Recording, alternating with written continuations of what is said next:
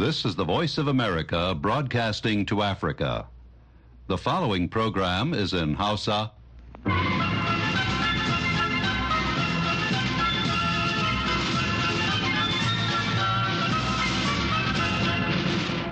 Sashen Hausa na murya Amurka ke magana daga nan birnin Washington DC.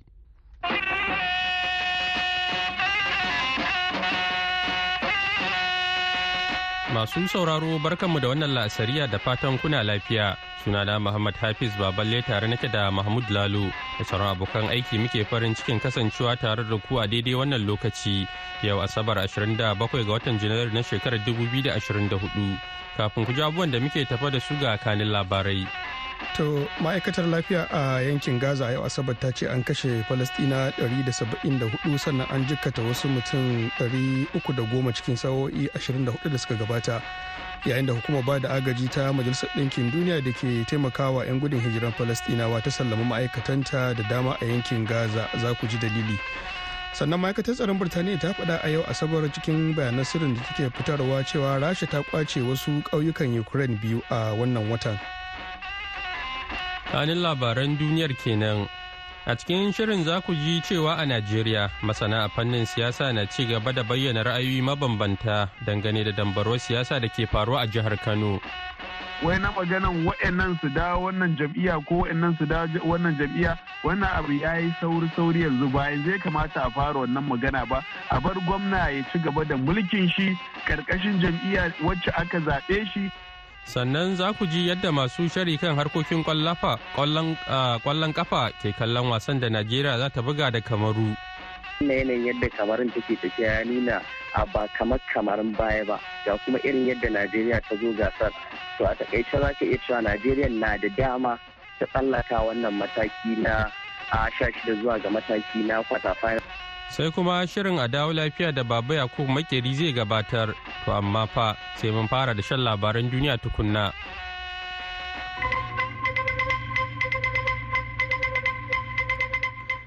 To jama'a assalamu alaikum.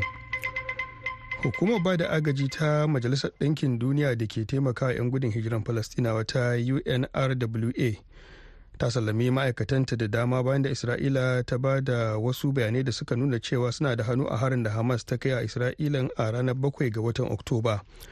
Hukumar ta unrwa na da ma'aikata dubu sha uku falasɗinawa a yankin gaza.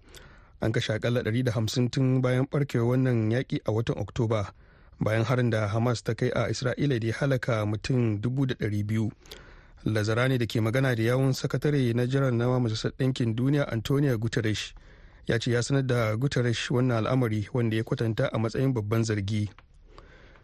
A halin da ake ciki kuma ma'aikatar lafiya a yankin gaza a yau asabar ta ce an kashe falastinawa 174 sannan an jikkata wasu 110 cikin sa'o'i 24 da suka gabata.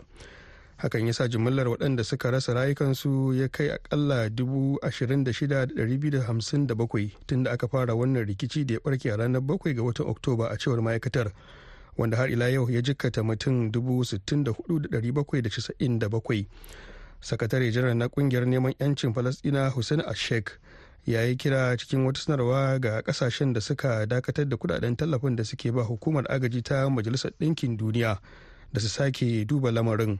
A ranar juma'a fadar white house ta nuna cewa ana samun haske a tattaunawa da ake wajen ganin an sako ragowar mutanen da hamas ke riƙe da su a gaza. Kakakin Majalisar Tsaron Amurka John Kirby ne ke cewa shugaba Biden na iya bakin kokarinsa wajen ganin an saki mutanen sun koma gida. Wannan shine abin da ya fi mai da hankali a kai. Ma'aikatar tsaron birtaniya ta faɗa a yau asabar cikin bayanan sirrin da take fitarwa cewa rasha ta ƙwace wasu ƙauyukan ukraine biyu a wannan watan. Ɗaya daga cikin ƙauyukan mai suna vessel na kusa da garin bakhmut wanda ke da mazauna 200 sai kuma ƙauyen krokman da ke kusa da kharkiv mai mazauna 45 ma'aikatar ta birtaniya ta ce ci gaba da karɓe ikon ƙauyuka da rasha ke yi a ukraine alama ce da ke nuna cewa ta himmatu wajen ƙara ƙarfin ikonta yayin da ita kuma ukraine ta fi mai da hankali wajen kare kanta sai dai rahoton ma'aikatar tsaron ta birtaniya bai nuna wani haske a ƙoƙarin da rasha ke yi na karɓe ikon garin adib ba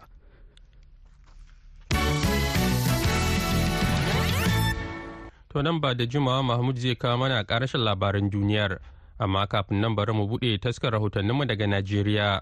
Masana a fannin siyasa na ci gaba da bayyana ra'ayoyi mabambanta dangane da dambarwar siyasa da ke faruwa a jihar Kano da ke arewa maso yammacin ƙasar. Rahotanni a Najeriya sun yi nuni da cewa akwai umarnin da fadar shugaban ƙasa ta bayar na ganin an yi sulhu tsakanin ɓangaren shugaban jam'iyyar apc na ƙasa dr. Abdullahi umar ganduje da kuma shugaban jam'iyyar nnpp mai mulki a jihar dr. Rabi'u musa kwankwaso. Lambarin da wasu ke ganin abu ne mai kamar wuya. Ko da yake shugaban tsangayar kimiyyar siyasa da alaƙar ƙasa da ƙasa a jami'ar abuja farfesa gali sharif ibrahim na ganin za a iya samun maslaha idan manyan shugabannin ƙasa suka shiga tsakani a wannan al'amari amma ya fara ne da wannan tsokaci a hirar da suka yi da mahmud lalu ta wayar tarho.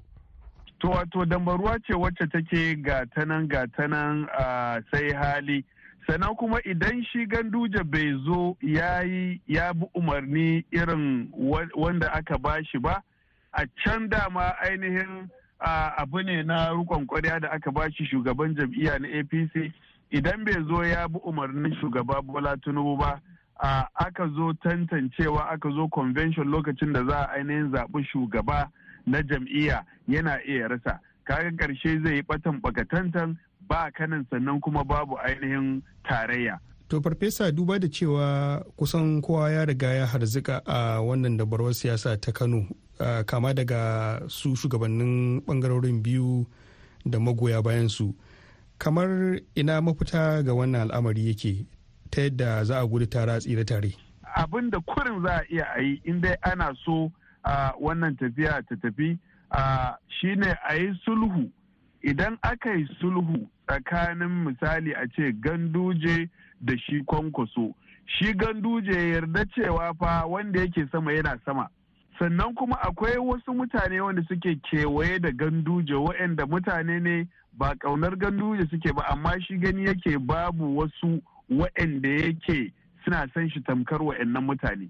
To abin da ya kamata a yi wai na maganan wa'annan su dawo wannan jam'iyya ko wa'annan su dawo wannan jam'iyya wannan abu ya yi sauri sauri yanzu bayan zai kamata a fara wannan magana ba. A bar gwamna ya ci gaba da mulkin shi ƙarƙashin jam'iyya wacce aka zaɓe shi. Idan aka ce dubu biyu da ashirin da bakwai a shi wannan shekara ta zo lokacin da za a sake ainihin wani zaɓe a wannan lokaci ana iya ce to in mutum ya canza sheka zai canza ne saboda menene yake ganin ya fi mai alkhairi menene zai ba shi dama ne ya ci zaɓe. To ai kaga ita nnpp ta kafu. Kafuwar da ta yi shine yan nuna ta nuna ko supreme court ta ba da ta ba su mulki ko ta ba su yan najeriya sun san cewa nnpp wannan jam'iyya mai kayan marmari ita ci zaɓe a kano. Sannan kuma rashin bata mulki ba abin da zai haifar banda koma baya da cikas ba a jihar kanan ba face a ainihin gabaki ɗaya a ainihin Najeriya gaba ɗaya. Saboda menene? Rahotanni da suke zuwa. Sannan kuma a ce bakwai din ma ta zo ana so a ci kanon ita jam'iyya mai mulkin tana iya ta rasa kanan idan aka ce da ƙarfi da yaji za a yi. Saboda haka abin da ya kamata abi shine abu da lalama abi cikin ruwan sanyi a shi injiniya rabiu musa kwankwasa abu ne dama na a zo a tattauna a zona yau in muka dawo apc misali menene namu menene za mu samu me muke da shi sannan irin fa'ida za mu riƙe mu ci gaba da tafiya da shi yawa to kaga kenan idan aka ce za a zo tun yanzu a ce za a ɗinke wannan baraka abun ina ga ba zai yi ba. Saboda shi ganduje gani yake shi shugaba ne na jam'iyya ta apc gaba ɗaya a kasa duk da yake dai na wucin gadi. Shi kuma kwankwasa gani yake yana da ainihin tubali babba wanda ba a jihar kano kaɗai ba a ainihin siyasar najeriya ga baki ɗaya to wannan sasantawa tsakanin ganduje da kwankwaso a yanzu mun san cewa sulhu shine ya fi alkhairi. To amma a halin yanzu ɗin nan dole sai idan ɗaya zai sako ƙasa ƙasa ƙasa. Yarda cewa an fi shi wane shugaban shi ne. To in aka yi haka a ba da haƙuri manya sarakuna waɗanda suke na wasu wurare da dama shugabanni waɗanda suke na ƙasa gaba ɗaya a zo a zauna a yi wannan sulhu. Amma in ba haka aka yi ba wannan gaba tsakanin kwankwaso da ganduje ba ni da tsammanin za ta iya ta yanke shugaban tsangayar kimiyyar siyasa da alakar ƙasa da ƙasa a jami'ar abuja farfesa gali sharif ibrahim kenan a hirarsa da mahmud lalo. To nan gaba kaɗan za ku ji yadda masu sharhi kan harkokin ƙwallon kafa ke kallon karawar da najeriya za ta yi da kamaru. Wannan shirin na zuwa muku ne daga nan sashen hausa na muryar amurka. Yanzu kuma ga ƙarashin labaran duniyar. To jama'ar ƙasar Haiti na zama cikin yanayi na zulumi bayan da wata kotun Kenya ta hana tura 'yan sandan Majalisar Ɗinkin Duniya ƙasar don yakar ƙungiyoyin 'yan daba da suka addabi ƙasar wacce ke yankin Karibiya.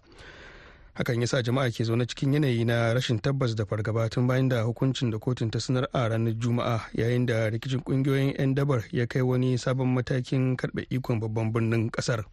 Toute Corée n'aurait toute zone qui la zone métropolitaine là pour que on lève camper. C'est toute république là qui doit camper. Wannan muryar wani mazaunin Port-au-Prince babban birnin ƙasar ta Haiti kenan yake korafi kan yadda ƙungiyoyin 'yan daba suke kuntatawa rayuwarsu yana mai cewa sai su kwashe kwana huɗu a jere suna kai har-hare. Shugaban Kenya William Ruto ya ce zai ɗaukaka ƙara kan hukuncin kotun yayin da babu tabbas ko sauran ƙasashen da suke alkawari za su tura nasu dakarun. 'Yar wasan tennis 'yar ƙasar belarus arena sabalenka ta lashe kofin gasar australian open na ajin mata bayan da ta doke abokiyar karawarta ta ƙasar china zenkin wen da ci 6 da 3 da 6 da 2 a yau asabar. Dama dai sabalenka mai shekaru 25 ita take riƙe da kofin gasar ta australian open. Ta kuma kai wannan wasan ƙarshe ne bayan da ta doke 'yar wasan amurka coco golf ita ce mace ta farko da ta sake lashe kofin gasar a jire tun bayan victoria azarenka da ta cimma hakan a shekarar 2013 yanzu sabalenka ta ɗauki hanyar shiga ajin fitattun 'yan wasan tennis irin su ashi betty serena williams maria sharapova da kuma lindsay davenport.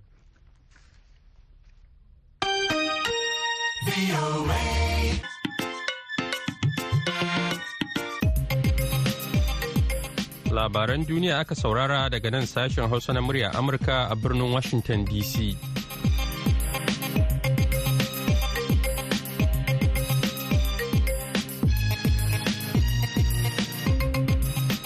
madalla yanzu kuma sai gasar cin kofin nahiyar afirka da ake bugawa ƙasar abricos a yau asabar ɗin nan ne ake fara buga wasa na zagayen 'yan sha shida inda ƙasar angola za ta kara da namibia sai kuma najeriya da kamaru. A hirar da ne da mai sharhi kan harkokin ƙwallon kafa abdulkarim abdullahi tsoho na fara da tambayarsa ko ya yake kallon wasan da za a fara buga tsakanin angola da namibia. Na ka san kusan wannan za a iya cewa wasa ne da ba a tsammanin a samu irin wannan wasan a zagaye na 'yan sha shida ba. Wasa ne da kusan ya fi kama da wasa na rukuni. Amma a idan aka ɗauki yadda angola suka yi ƙoƙari da irin rukunin da suka fito da yanayin ƙwallon da suka buga a rukunin a tabbas ba zai zamo abin mamaki ba kasancewarsu a wannan matakin. Haka na midiyan ma wasa ɗaya kusan da ta nasara kan tunisia shine abin da ya kata wannan mataki har ta kaga buga wannan wasa. To amma idan aka duba kamar yanayi na shi kansa ƙoƙari tsakanin waɗannan ƙungiyoyi da kuma yanayin yadda suka buga gasar a bana za ka iya cewa ita angolan ita ce take da dama mafi girma na iya samun nasara. Da tsallaka zuwa zagaye na gaba a wannan gasar ko a wannan wasan na yau. To ya kake kallon wasan Najeriya da Kamaru wanda sun saba fafatawa? Na'am. Su ka sa akwai wani abu a tsakanin Najeriya da Kamaru a mafi yawancin lokuta duk sanda za a haɗu akan yi wasa na zagaye na sha shida ko kuma wasanni na ƙarshe. Kamarin ta kan samu nasara da haɗuwarta da Najeriya wasan ƙarshe za ga an yi haka guda uku alif ɗari tara da tamanin da tamanin da takwas da kuma shekarar dubu biyu. Amma bayan nan duk haduwar najeriya da kamaru a irin wannan zagayen kusan najeriya ce take nasara. Haka zalika kuma a kusa kusan na yanayin yadda kamarin take tafiya ya nuna a ba kamar kamarin baya ba ga kuma irin yadda najeriya ta zo gasar. To a taƙaice za ka iya cewa najeriya na da dama ta tsallaka wannan mataki na a sha shida zuwa ga mataki na kwata final wato dab da kusa da na ƙarshe. To amma gaba ɗaya yaya ka kalli gasar da sauran gasannin da aka yi a baya? So gasar kasan ta bana kamar yadda ake ta magana a kanta ta zo da bambanci ta sauya fiye da yadda ake tsammani. an ga gasa wadda idan ka koma kana duba za ga akwai ƙasashe da a junansu suna da gasar nan guda bakwai kamar ita Ghana, ƙasar Tunisia da Algeria. Amma dukansu kaga ba sa wannan zagaye na biyu. Idan ka duba irin ƙasashen da suka zo wannan mataki da yadda ƙasashe irin su masar suka yi faɗi tashi wajen kaiwa ma ga zagaye na biyu da irin makin ma da suka hada wannan zai tabbatar ma da cewa gasar tabbas ta zamo zakaran gwajin dafi kuma ta zamo gasa mafi kayatarwa a kusan duk gasannin da aka buga a baya.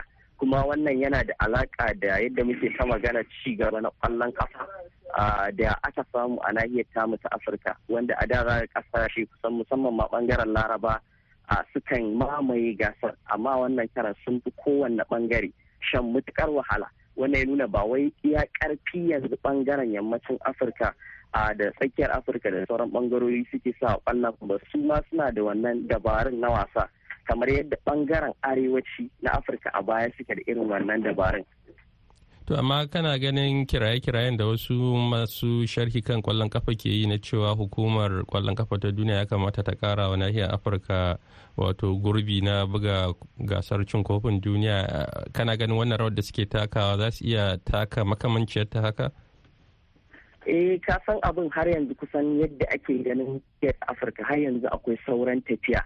A yanayin misali ƙwallon da suke buga kansu kai matakin takwarorinsu na sauran nahiyoyi musamman ma nahiyar turai da yammacin america kenan south america. So amma idan ka ɗauka za ga afirkan ta fara ta da a ba ta ganin ƙasar afirka a wasan kusa da na ƙarshe ba.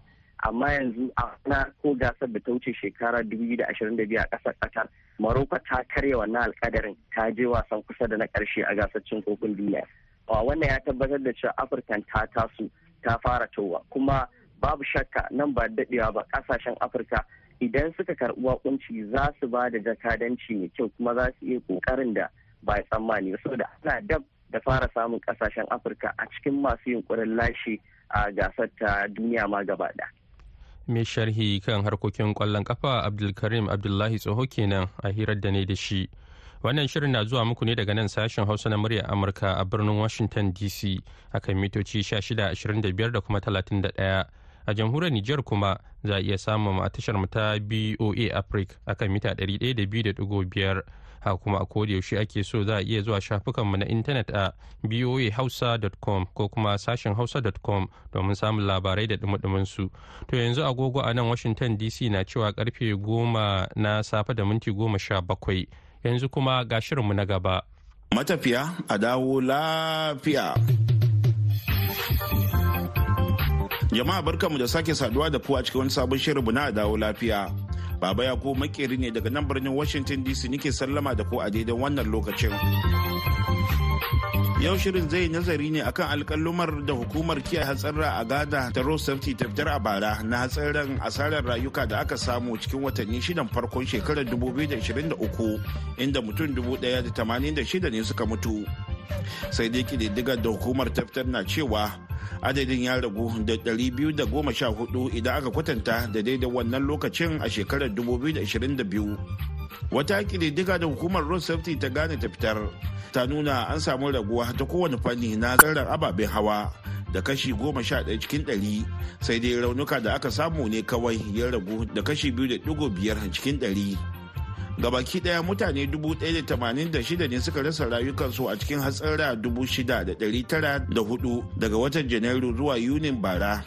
Adadin da ya ragu idan aka kwatanta da mutane 1,300 da suka mutu a shekarar 2022 cikin hatsara 7,687 a daidai wannan lokacin. To koya alƙalumar suka kasance a watanni shidan ƙarshen shekarar 2023 tambaya kenan da na yi wa Muhammad Hashim. Jami'i a hukumar road safety a Kumasi da ke yankin Ashanti wanda ya min bayani kamar haka a tattaunawa da muka yi da shi. Sunana Muhammad Hashim Shidi Madani. To Muhammad Hashim ko kana da alƙaluma game da hatsarin da ya faru a shekarar 2023 da muka kammala? gaskiya da wancan shekara mun hada statistics duka gaba ɗaya tun farkon shekara wato watan nan na janairu kenan har zuwa ƙarshen wata wanda wata na disamba kenan da muka kammala statistics mu duka gaba ɗaya mun samu adadin hasarin da ya faru a cikin wannan shekara. Dubu goma sha huɗu da dari da talatin da biyar adadin hasarin da ya faru cikin wancan shekara duka gaba ɗaya kenan. Sa'an nan a cikin wayan ga dubu goma sha huɗu da dari da talatin da biyar an samu rauni dubu goma sha biyar da dari huɗu da tara. Sa'annan aka samu mutane da suka rasa rayukansu a cikin wanga hatsari gaba dayanta dubu biyu da dari biyu da saba'in da shida. Yadda wancan shekara ya kasance mu da kenan. To idan ka kwatanta da shekarar 2022 da kuma hatsarin da aka samu ko kuma rayukan da aka rasa a shekarar 2023 za ka iya cewa an samu raguwa ne ko ƙari aka samu kan abin da kan shekarar da ta gabata? Na'am, idan mun duba a cikin shekara 2022 da 2023 za mu ce an samu ragowa an samu raguwa ƙwarai. A cikin wayannan ababa guda uku da na faɗi duka gaba ɗaya ko muna ce musu CIDs wato crashes injuries and deaths kenan. A wato crashes yana nan masarin hadari ya faru gaba su sannan injuries kuma wato raunin da aka samu a cikin wayannan haduran da suka faru sannan deaths rasa rayukan da muka yi gaba su wancan a cikin shekara dubu biyu da ashirin da biyu mun samu adadin hadarin da suka faru dubu goma sha fudu da dari tara da sittin. Dubu goma sha fudu da dari da talatin da biyar. Shi sa idan mun duba mun samu ragowa wurin kusan dari bakwai da yankai. Eh mun samu ragowa ƙwarai. Sa'annan kuma idan sun duba injuries wato raunuka da aka samu na'am. Da aka samu a cikin shekara dubu biyu da ashirin da biyu mun samu dari goma sha biyar da dari shida da tis'in kenan. Wato dubu goma sha biyar da dari shida da casa'in. 15,690 sa'an nan idan mun duba wancan shekara mun samu dubu goma sha biyar da gari huɗu da tara. Shi idan mun duba mun samu ragowa wurin kusan gari biyu. Gari biyu da am? Eh, gari biyu kenan. Idan mun duba rayukan da aka rasa kuma dubu biyu da sha da ashirin da biyu mun samu rashin rayuka dubu biyu da dari uku da saba'in da uku. Amma wancan shekara mun samu dubu biyu da dari biyu da saba'in da shida. sai sa idan mun duba muka compare bin da mun samu ragowar tis'in da bakwai kenan a cikin rayukan da muka rasa. Wato na fahimce ka a dukkan fannonin abin da kuke ce ma da crash the injuries and the death wato waɗannan fannoni na hatsarin da raunuka da kuma mace-macen da aka yi an samu ragi a kan shekarar 2022. To bari mu datsa aya daga wannan kididdiga da ka ba mu akan hatsarin ababen hawa a shekarar da ta gabata a ƙasar Ghana. Muhammad Hashim Sidi Madani kenan babban jami'a hukumar Road Safety. Yanzu kuma bari mu duba wani labari inda mazauna unguwar Ashaman a yankin Greater Accra babban birnin Ghana wanda suka nuna fushinsu akan lalacewar hanyoyi da gajojin unguwar. Lamarin da ya kai su ga yin barazana na hana gudanar da harkokin siyasa a mazaɓar. A wannan shekarar zaɓe ta 2024 har sai gwamnati ta biya bukatunsu. A jiya juma'a ne dai 'yan unguwar ashamam suka yi zanga-zanga kana suka yi tattaki zuwa ofishin hukumar kula da hanyoyin birane ta ƙasa domin gabatar da kokensu akan lalacewar hanyoyinsu. Wasu da suka zanta da mu cewa suke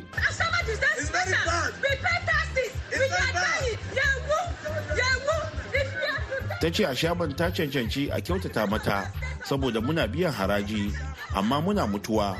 Tafiyar da bata wuce minti goma ba sai ta ɗauke ka zuwa sa'a guda ko sa'o'i biyu kafin ka isa inda zaka je. Shi ma wannan malamin cewa yake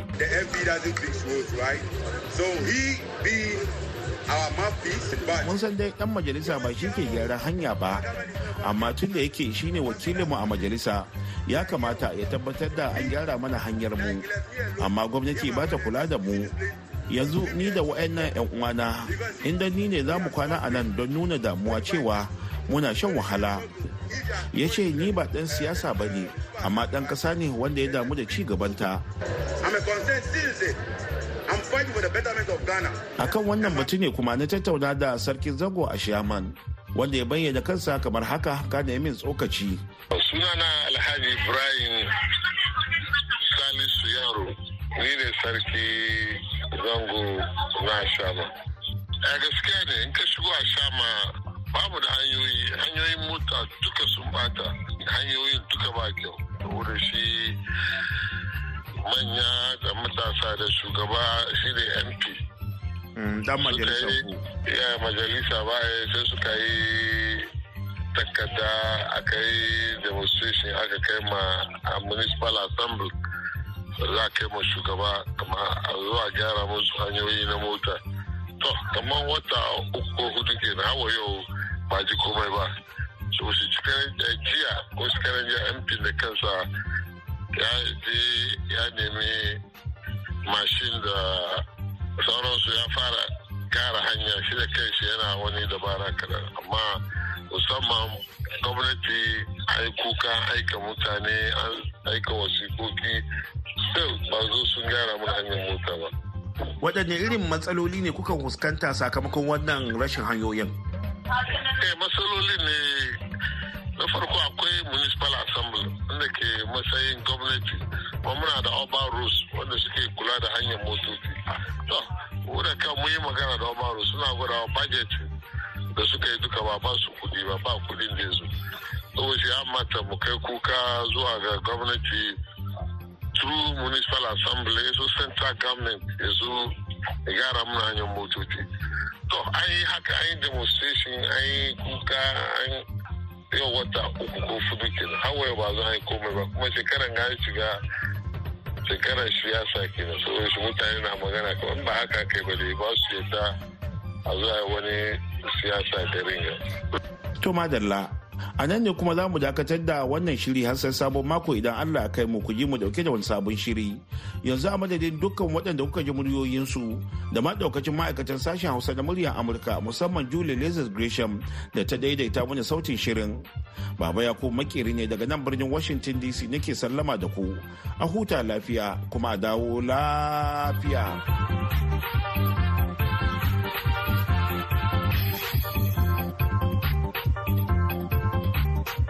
A gaida baba yakubu makiri yanzu kuma ga labaran duniya a taƙaice.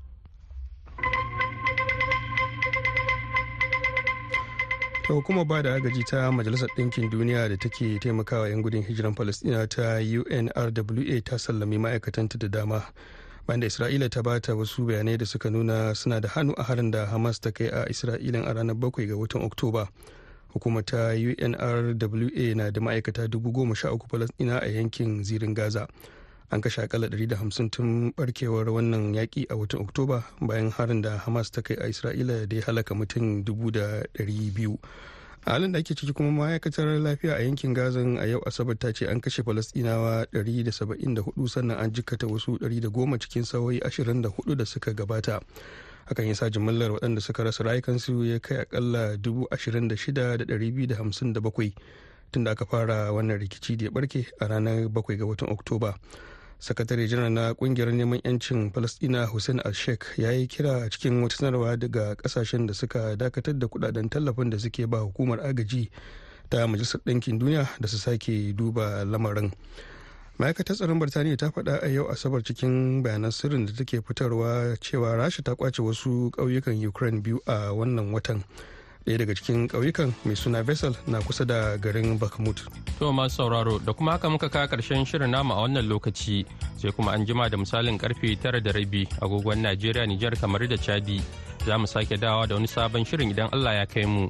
Yanzu a madadin mahmud lalo da ya karanto labarai da kuma fiona wamayi wadda ta daidaita mana sauti da ba da umarni sai injiniyan mu kevin. Daga nan birnin washington dc ni muhammad hafiz babala nake cewa sai mun sake dawa a shirinmu na dare. Salamu alaikum.